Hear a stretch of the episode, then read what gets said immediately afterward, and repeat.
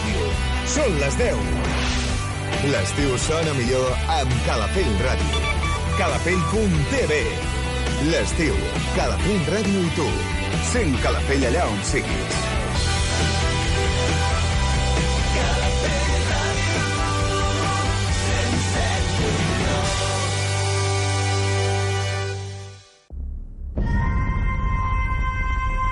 Banda sonora original. Un programa fet a la mida per als amants de les bandes sonores. Una hora on recordarem les millors peces musicals que van donar so a grans pel·lícules. El podràs escoltar diumenges de 10 a 11 del matí, de la mà d'Eduard Abas, amb repetició les matinades de dilluns d'una a dues.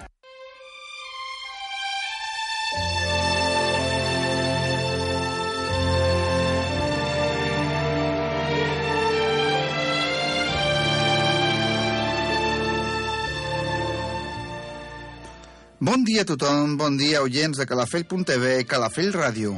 Benvinguts al vostre programa de bandes sonores originals. Avui us oferirem vàries de les millors bandes sonores originals clàssiques. Estan compreses entre els anys 1945 i 1968. Espero que siguin del vostre gust. Comencem!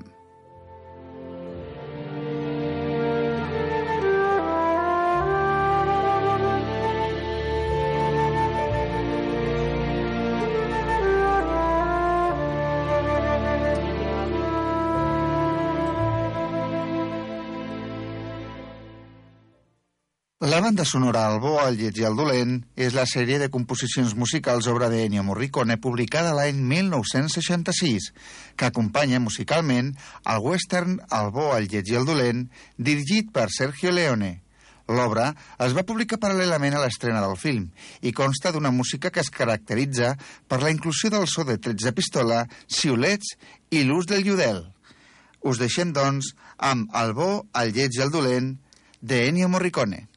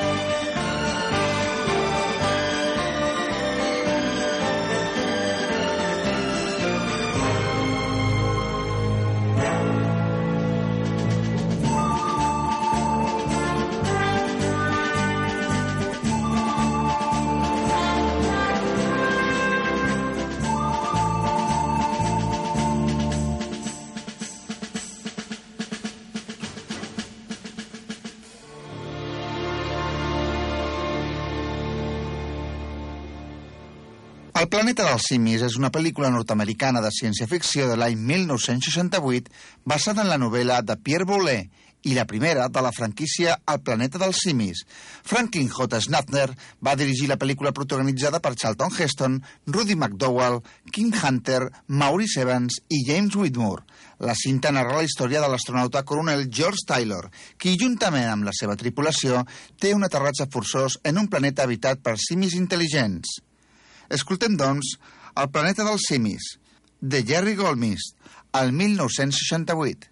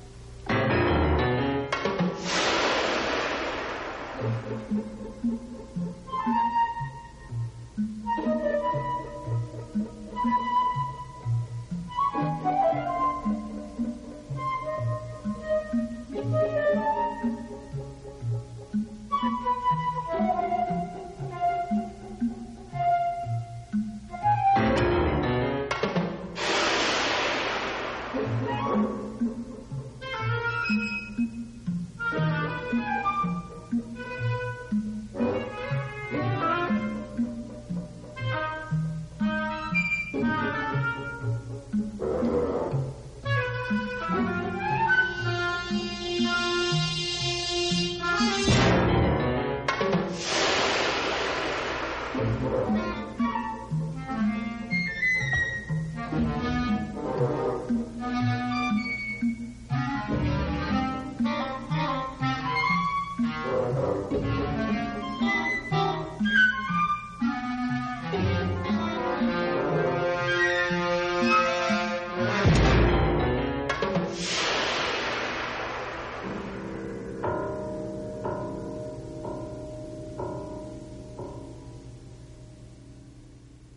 Tramvia anomenat Desig és una pel·lícula estatudinenca en blanc i negre estrenada el 1951 i dirigida per Elia Kazan basada en l'obra teatral de Tennessee Williams.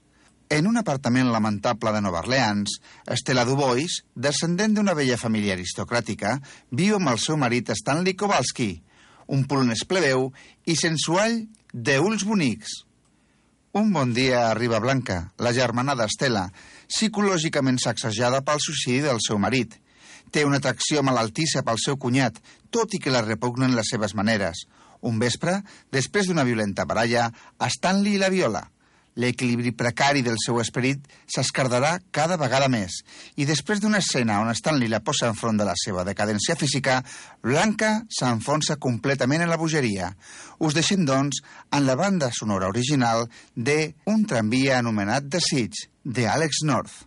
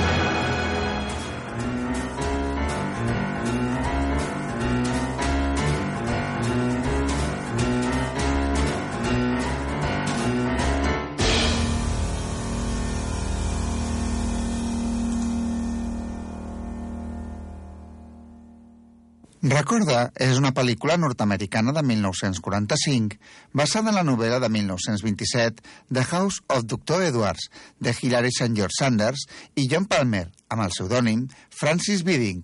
La pel·lícula va ser dirigida pel mestre Alfred Hitchcock i va comptar amb Ingrid Bergman i Gregory Peck com a actors principals. És especialment coneguda l'escena onírica on els doctors intenten analitzar els somnis del suposat doctor Edwards. Per aquesta escena es van encarregar els decorats de Salvador Dalí. Us deixem, doncs, en la banda sonora original de Recorda, de Miklos Rozza, al 1945.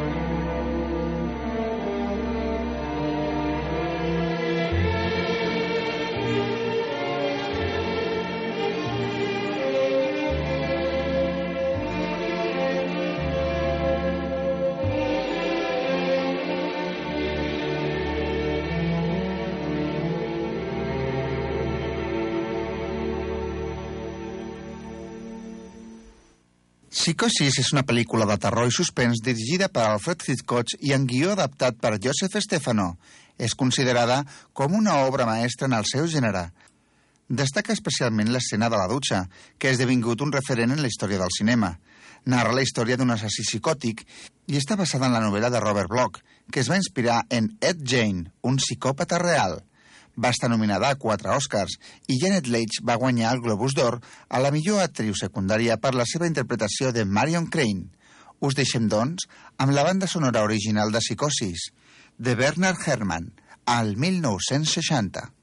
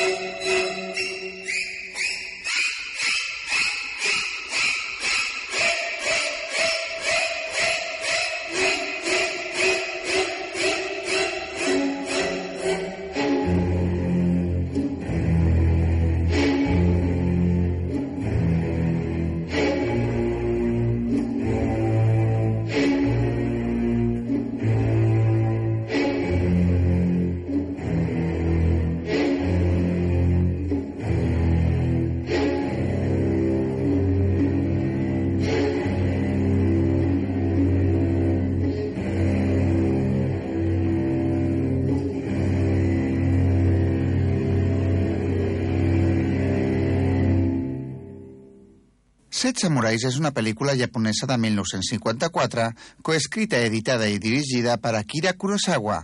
Va guanyar el Lleó d'Argent a la Mostra de Venècia i va tindre dues nominacions als Premis Òscar. Ha estat considerada una de les pel·lícules més influents de la història i va influir en posteriors produccions occidentals, com per exemple el remake versió western Els Set Magnífics. Us deixem, doncs, amb la banda sonora original de Set Samurais, de Fumio Hayasaka, al 1954.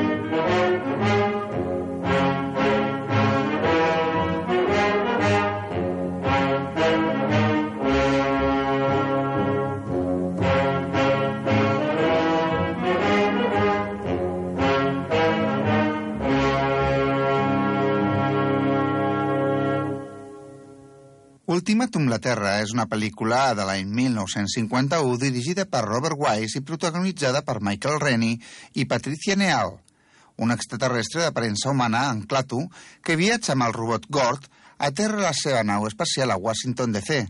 Rebut pels militars amb hostilitat, en Clatu fugirà i es farà dir Carpenter entre els humans. Coneix Helen i el seu fill Bobby. Més tard contactarà amb un científic nuclear, el professor Jacob Barnard, li dirà que és un ésser emissari del cosmos amb la missió d'exigir als governs terrestres un compromís de pau i de cessament de la cursa armamentística, ja que l'activitat belicista dels terrícoles posa en perill la seguretat de tot l'univers. Us deixem, doncs, amb la banda sonora original de la Terra, de Bernard Herrmann, del 1951.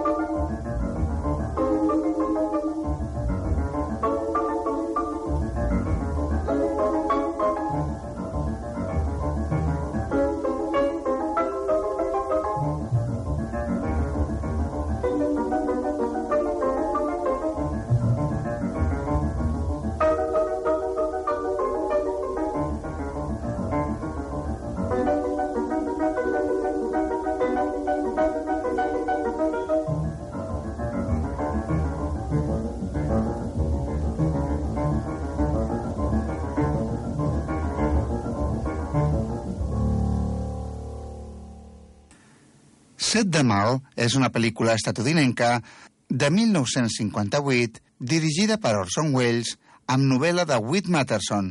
Entre els protagonistes, Charlton Heston, Janet Leigh, Orson Welles, Marlene Dietrich, Joseph Caella, entre altres. Un agent de la policia de narcòtics, en Heston, arriba a la frontera mexicana amb la seva dona just al moment en què explota una bomba. Immediatament es fa càrrec de la investigació comptant en la col·laboració de Kinlan, el cap de la policia local, molt conegut a la zona pels seus mètodes expeditius i poc ortodoxos. Una lluita ferotge es desferma entre els dos homes, ja que cadascun té proves contra l'altre. Us deixem, doncs, amb la banda sonora de Set de Mal, de Henry Mancini, a l'any 1958.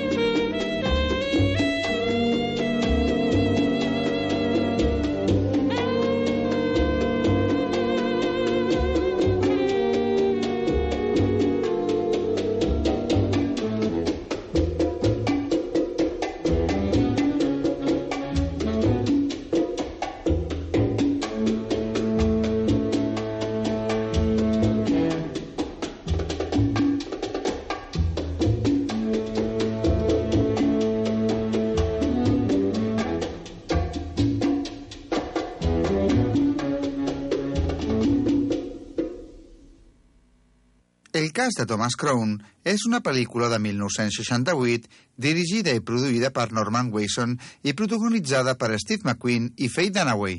Va ser nominada a dos Oscars, guanyant el de millor cançó original. Thomas Crown és un milionari home de negocis i esportista que comet el crim perfecte fent que cinc homes robin més de dos milions i mig de dòlars d'un banc de Boston i llencin els diners en una galleda d'escombraries d'un cementiri. Thomas mai no es troba cara a cara en cap dels cinc, ni abans ni després del crim, i ells no es coneixen entre si. Recupera els diners i els diposita anònimament en un banc de Ginebra. Escoltem llavors la banda sonora original del cas de Thomas Crown de Michel Legrand al 1968.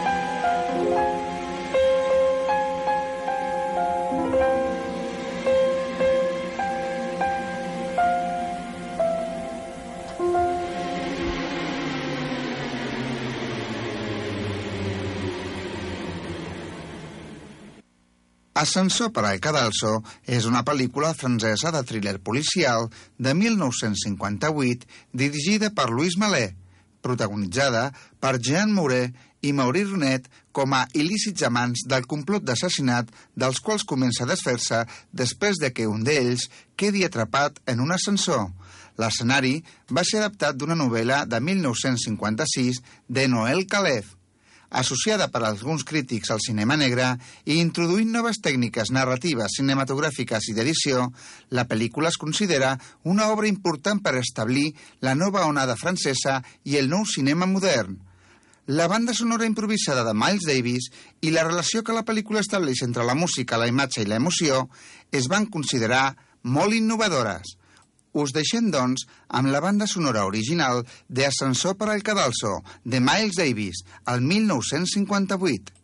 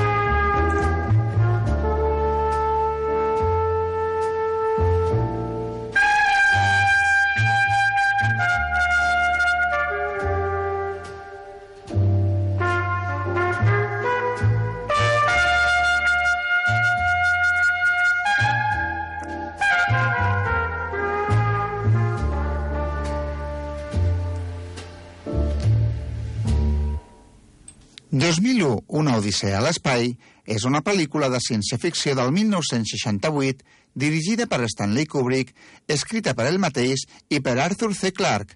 La pel·lícula tracta temes com l'evolució humana, la intel·ligència artificial, el futur i la vida extraterrestre.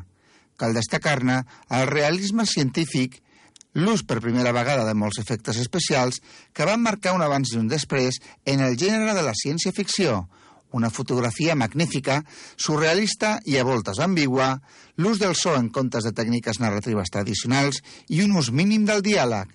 És la primera pel·lícula i una de les poques que mostra de manera acurada la vida real a l'espai. Us deixem, doncs, amb la banda sonora original de 2001, Una odissea a l'espai, de Richard Strauss, al 1968.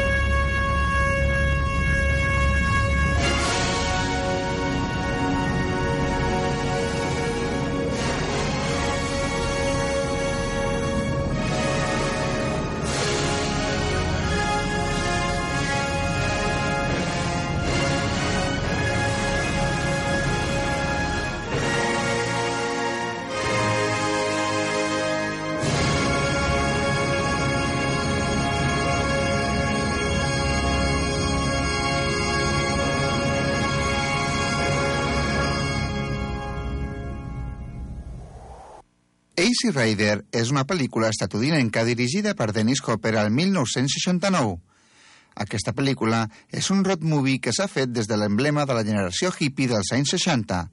Conta l'escapada de dos joves motoristes, el Wyatt i el Billy, que després d'haver venut una gran quantitat de droga, decideixen anar a Nova Orleans per veure el Mardi Gras. Durant la seva travessia pels Estats Units, els protagonistes trobaran una comunitat hippie i el seu estil de vida. Per participar il·legalment en una desfilada, els envien a la presó on troben el George Hanson, que se'ls ajunta. Els tres col·legues descobriran llavors l'Amèrica profunda, racista i conservadora que refusa l'evolució dels anys 60. Us deixem, doncs, a la banda sonora original de Ace Rider, de Roger McGuinn, al 1969.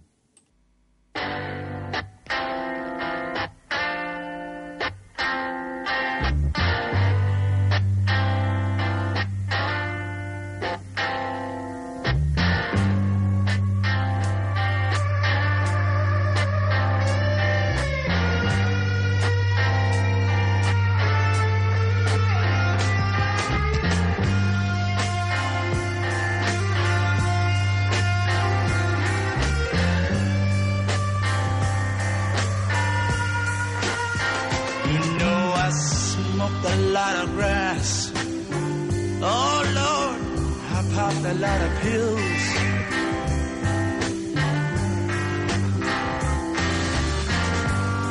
But I've never touched nothing mm-hmm, that my spirit could kill. You know, I've seen a lot of people walking around with tombstones in their eyes.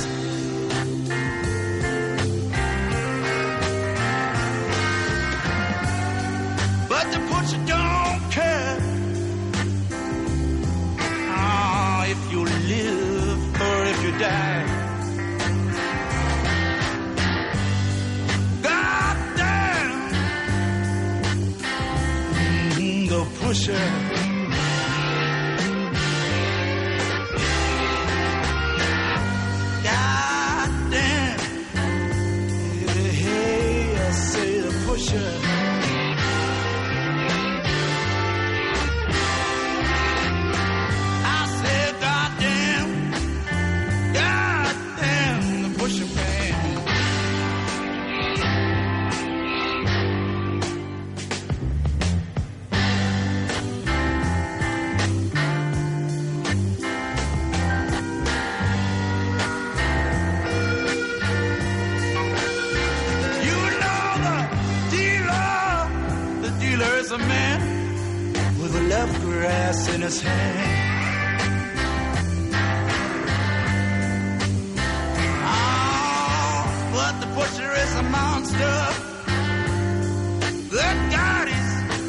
natural man.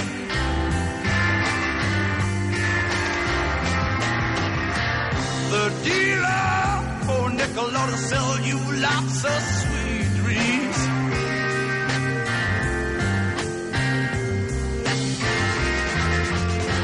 How about the pusher on your body?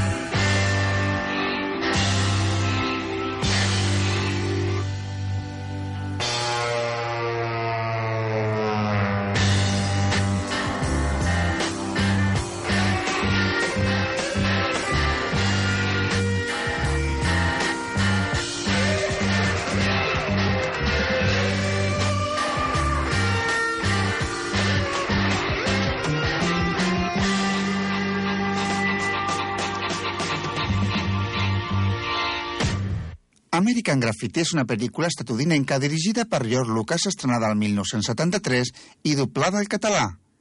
Una quadrilla de joves amics adolescents, alumnes d'instituts dels Estats Units dels anys 60, de noms Kurt, el personatge principal que ha de marxar del poble l'endemà d'anar a la universitat. Terry, la granota, a qui Steve presta el seu cotxe el temps que serà fora. Steve, el petit amic de la germana de Kurt, Laurie, i John, un pilot de carreres, amb vigílies d'anar-se'n de la petita ciutat californiana de la seva joventut per anar a proseguir els seus estudis a la universitat, passen una última nit a gagejar amb els seus grans cotxes americans dels anys 60. Us deixem, doncs, amb la banda sonora original d'American Graffiti, de The Platters, a l'any 1973. Each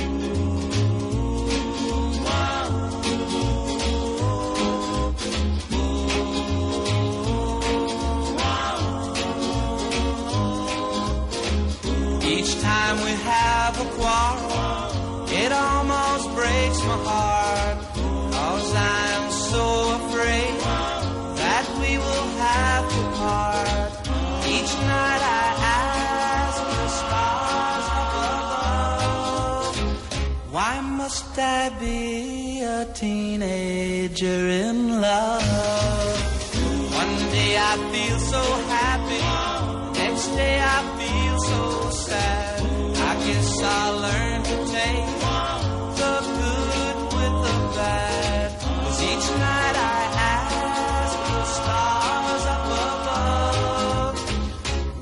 must I be a teenager in love?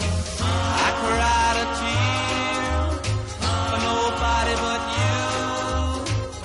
I'll be a lonely one if you should say we're through. Well, if you want to make me cry, that won't be so hard to do.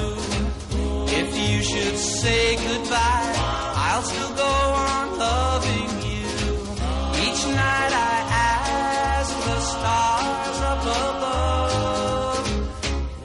must I be a teenager in love?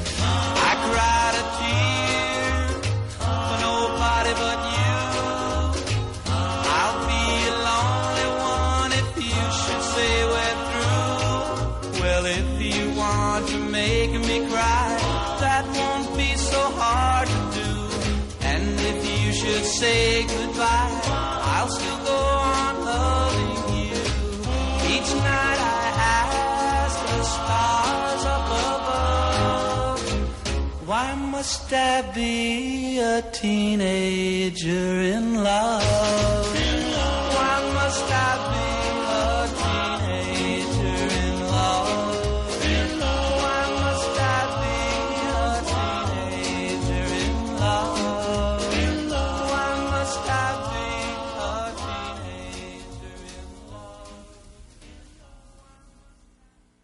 Assalt a la comissaria del districte 13 és una pel·lícula estatudinenca de 1976. És el segon llargometratge de John Carpenter. La història se situa en una comissaria situada a Los Angeles. Un policia es dirigeix al lloc per supervisar el trasllat dels últims efectius i materials que queden allà, ja que està a punt de cessar les seves operacions. Malgrat tot, un camió de presoners demana assistència per passar allà la nit, ja que un dels presoners està greument malalt. En el furgó viatja també un criminal al que anomenen Napoleó Wilson, que té una personalitat irònica i perpicaç, i un home de color amb un fort caràcter. A aquesta situació s'afegeix la d'un pare venjatiu que ha matat a un membre d'un grup de trinxellaires locals per matar la seva filla petita, la qual cosa fa que els seus companys iniciïn la persecució de l'home fins a l'edifici en el qual queden uns pocs agents de policia, els reclusos i unes poques municions. Us deixem, doncs, amb la banda sonora original de Assalt a la comissaria del districte 13 de John Carpenter al 1976.